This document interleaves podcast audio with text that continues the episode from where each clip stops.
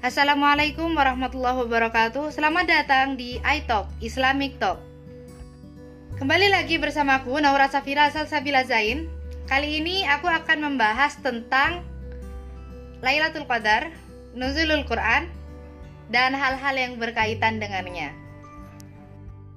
Allah berfirman dalam surat Al-Baqarah ayat 185 A'udzu billahi minasyaitonir rajim Bismillahirrahmanirrahim شهر رمضان الذي أنزل فيه القرآن هدى للناس وبينات من الهدى والفرقان yang artinya adalah bulan Ramadan adalah bulan yang di dalamnya diturunkan Al-Quran sebagai petunjuk bagi manusia dan penjelasan-penjelasan mengenai petunjuk itu dan pembeda antara yang benar dan yang batil.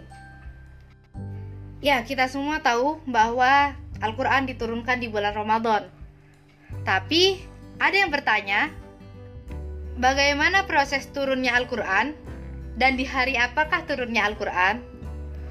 Berdasarkan dalil yang tadi sudah disebut di awal dan kemudian di surat Al-Qadr yang berbunyi Bismillahirrahmanirrahim Inna anzalnahu fi lailatul qadr dan di surat Ad-Dukhan Bismillahirrahmanirrahim.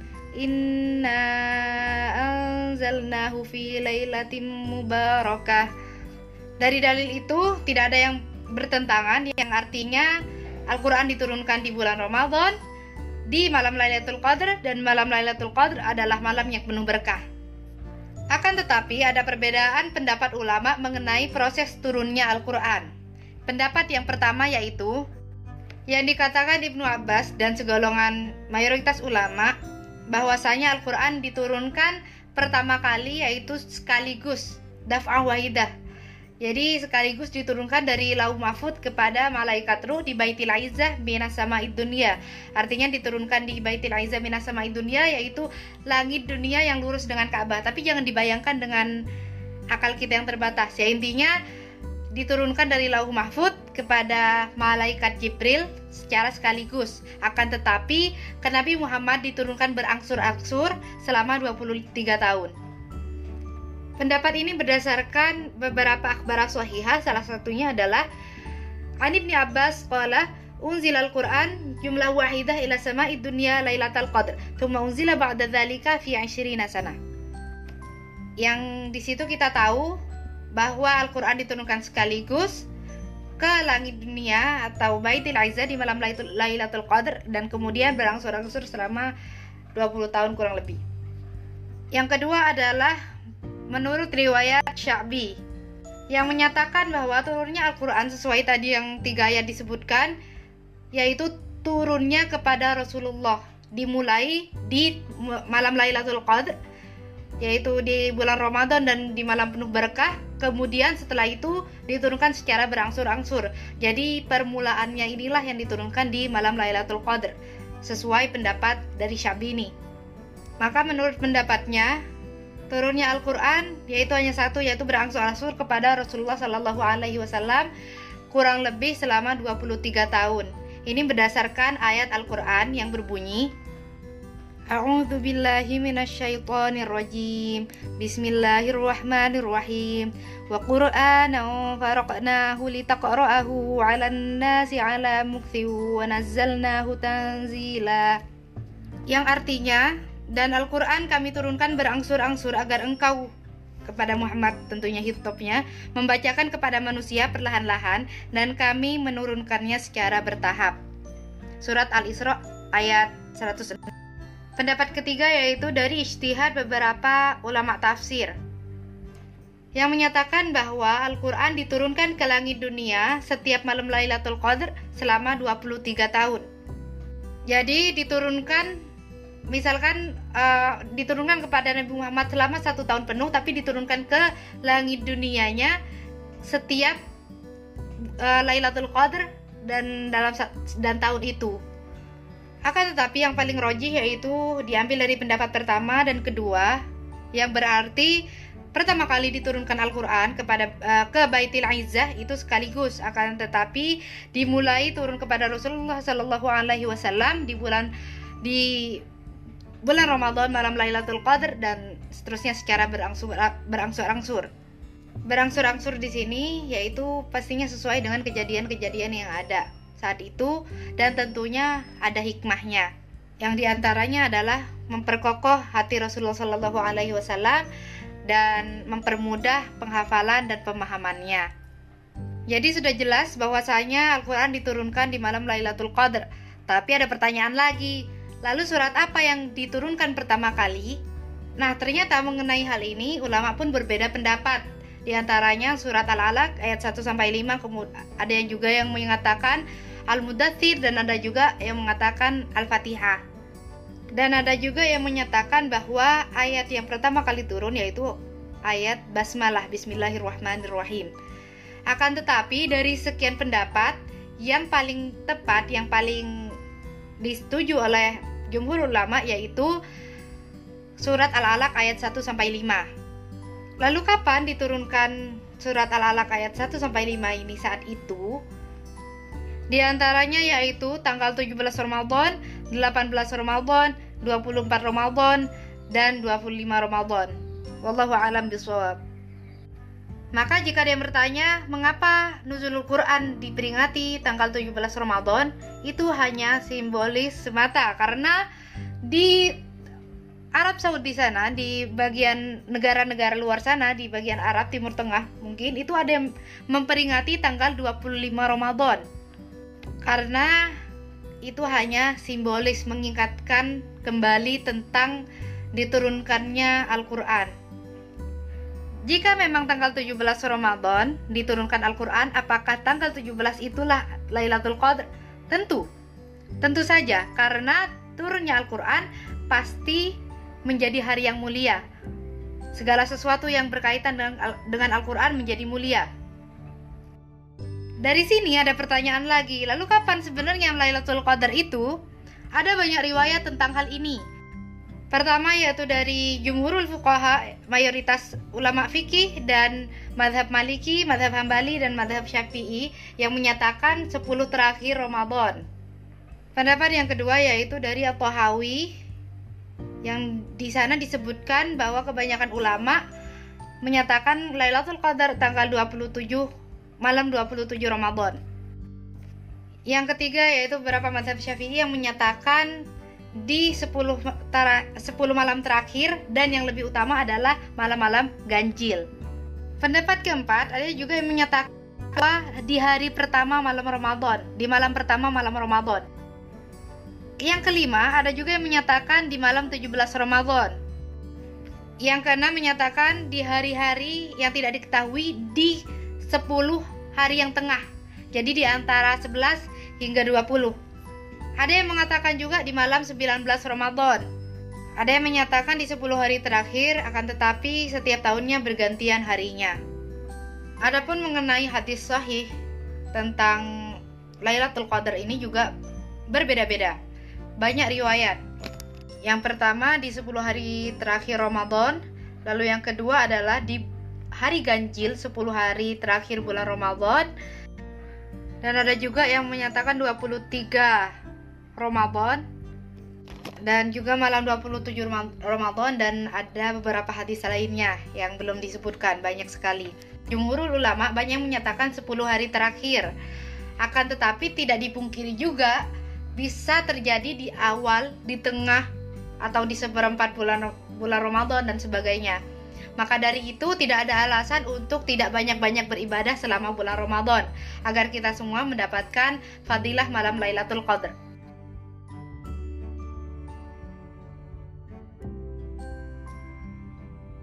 Lalu apa keutamaan Lailatul Qadar? Berdasarkan yang di ayat Al-Quran yaitu surat Lailatul Qadar yang berbunyi A'udzubillahi minasyaitonirrajim Bismillahirrahmanirrahim. Tanazzalul malaikatu warruhu fiha biidni rabbihim min kulli amr. Salamun hiya hatta matla'il fajr. Yang artinya pada malam itu turun para malaikat dan malaikat ruh atau Jibril dengan izin Tuhannya untuk mengatur segala urusan Sejahteralah malam itu sampai terbit fajar. Itu pun ada beberapa tafsir terhadap kalimat tanah zalul malaika, yaitu turunnya para malaikat. Mengapa tanazzalul mara- malaikah dan waruh dan malaikat Jibril padahal malaikat Jibril juga merupakan malaikat tapi kenapa dipisah karena ada penafsiran lain terhadap tanazzalul malaikah yang dimaksud di sini kita tidak bisa mengetahui apakah turunnya malaikat malaikat berangsur-angsur kemudian yang terakhir ketika semuanya sudah turun yang paling istimewa yaitu malaikat Jibril atau bagaimana itu masih uh, banyak pendapat tentang hal itu. Dan menurut hadis tentang fadilah malam Lailatul Qadar An Nabi Hurairah radhiyallahu an ani Nabi sallallahu alaihi wasallam annahu qala may yaqum lailatal qadr imanan wa ihtisaban ghufira lahu ma taqaddama min dzambihi. Yang artinya barang siapa yang menghidupkan malam Lailatul Qadar secara iman dan juga mengharapkan pahala, maka dosa-dosanya diampuni. Hadis riwayat Bukhari dan Muslim. Dan kemudian ada juga yang hadis-hadis yang menyatakan uh, ciri-ciri uh, malam Lailatul Qadar.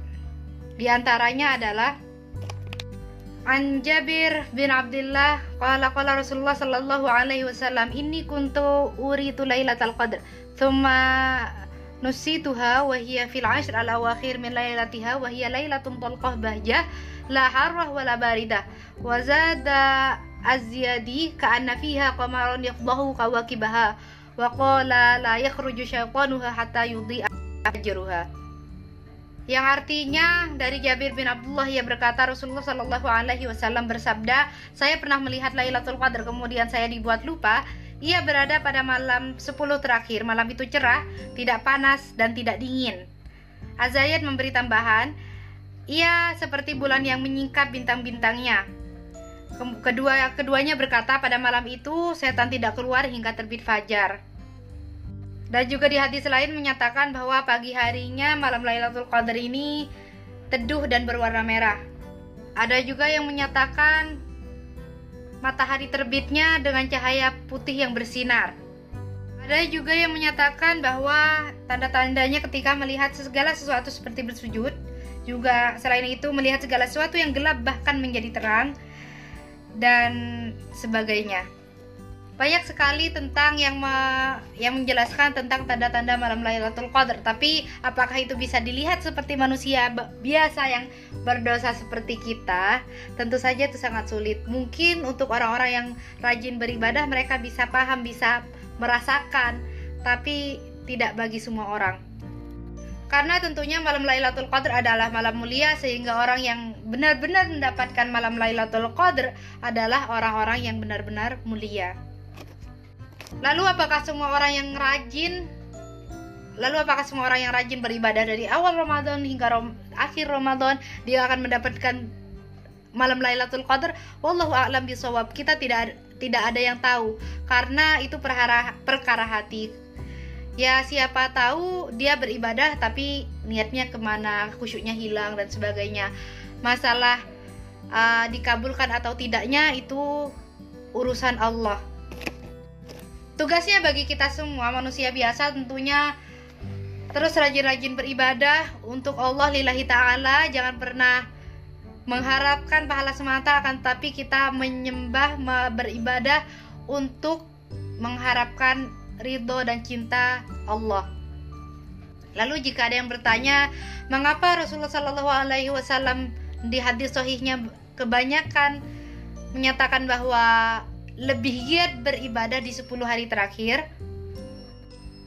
Banyak hikmah yang bisa kita ambil, mungkin saja itu untuk menyemangati, memotivasi orang-orang agar tetap semangat di 10 hari terakhir untuk beribadah. Karena bukan berarti ketika Rasulullah Shallallahu alaihi wasallam memperbanyak ibadahnya di bulan di 10 hari terakhir bulan Ramadan dia tidak beribadah di di hari-hari lain di bulan Ramadan. Tentu saja Rasulullah Shallallahu Alaihi Wasallam selalu rajin beribadah, bukan seperti manusia-manusia biasa seperti kita.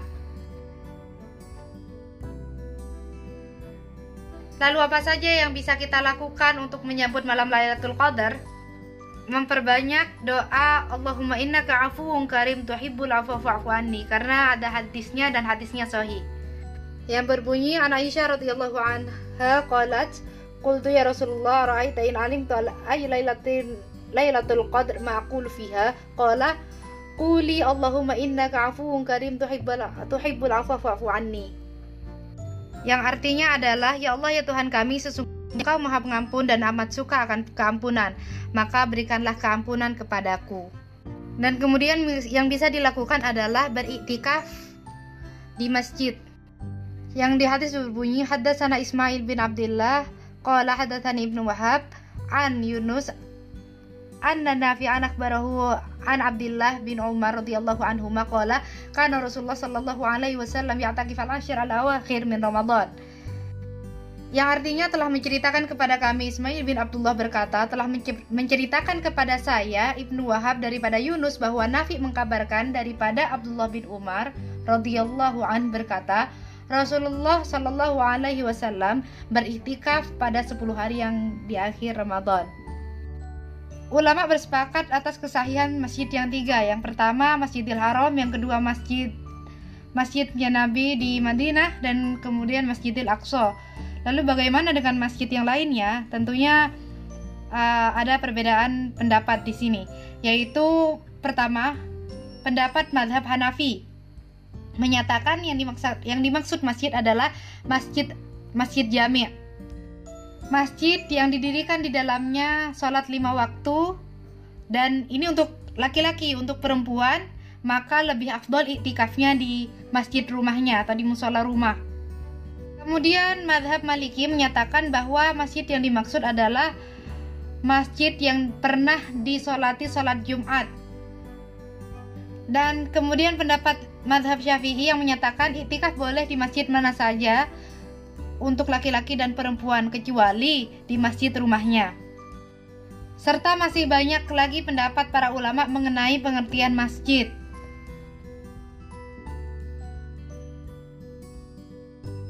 Syarat iktikaf pun banyak sekali pendapat para ulama. Di antaranya adalah Itikaf diperbolehkan bagi muslim yang berakal dan balik dan mumayyiz, laki-laki ataupun perempuan. Harus suci dari hadas besar. Afdolnya adalah di masjid tiga yang utama yaitu di Makkah, di Madinah, dan di Masjidil Aqsa. Dan juga orang-orang yang bertikaf ini membersihkan dirinya lalu memberi wangi-wangian, berhias menggunakan baju yang suci. Dan boleh saja bagi orang yang tidak berpuasa untuk beritikaf, tapi yang lebih utama adalah orang-orang yang itikaf berpuasa, yaitu seperti itikafnya di bulan Ramadan. Yang membatalkan itikaf di antaranya adalah jima berdasarkan firman Allah yang berbunyi. Bismillahirrahmanirrahim. Wala tubaciruhunna wa antum fil masajid. Surat Al-Baqarah ayat 187. Dan kemudian keluar dari masjid tanpa ada keperluan. Dan yang terakhir pendapat kebanyakan ulama yaitu bagi perempuan yang haid dan nifas juga membatalkan itikaf. Dan tentu sebelum melakukan apa pun jangan lupa niatnya sehingga untuk uh, untuk pergi ke masjid dan beritikaf kita harus niat untuk itikaf berdiam berdiam diri di masjid. Nah, lalu bagaimana dengan kita yang sekarang tengah dilanda pandemi Covid? Kita tidak boleh keluar dan masjid pun tidak dibuka. Maka diperbolehkan bagi kita untuk memperbanyak ibadah kita di rumah kita masing-masing, di masjid rumah kita masing-masing. Insya Allah yang terpenting adalah ibadah kita di sisi Allah Subhanahu wa Ta'ala. Demikian yang ingin saya sampaikan dari sini. Kita bisa ambil bahwa Bulan Ramadan adalah bulan yang mulia karena diturunkan di dalamnya Al-Quran. Sehingga segala hal yang berkaitan dengan Al-Quran adalah mulia. Malam Lailatul Qadar menjadi malam mulia, malaikat Jibril menjadi malaikat yang paling mulia, Nabi Muhammad menjadi nabi yang paling mulia, umat Muhammad, umat Rasulullah Shallallahu Alaihi Wasallam menjadi umat yang paling mulia karena Quran, sehingga orang yang mulia adalah orang yang di hatinya ada Al Quran. Semoga kita termasuk orang-orang yang mulia tersebut. Amin ya robbal alamin. Taqabbalallahu minna wa minkum Allahumma taqabbal ya karim Terima kasih telah setia mendengarkan Wassalamualaikum warahmatullahi wabarakatuh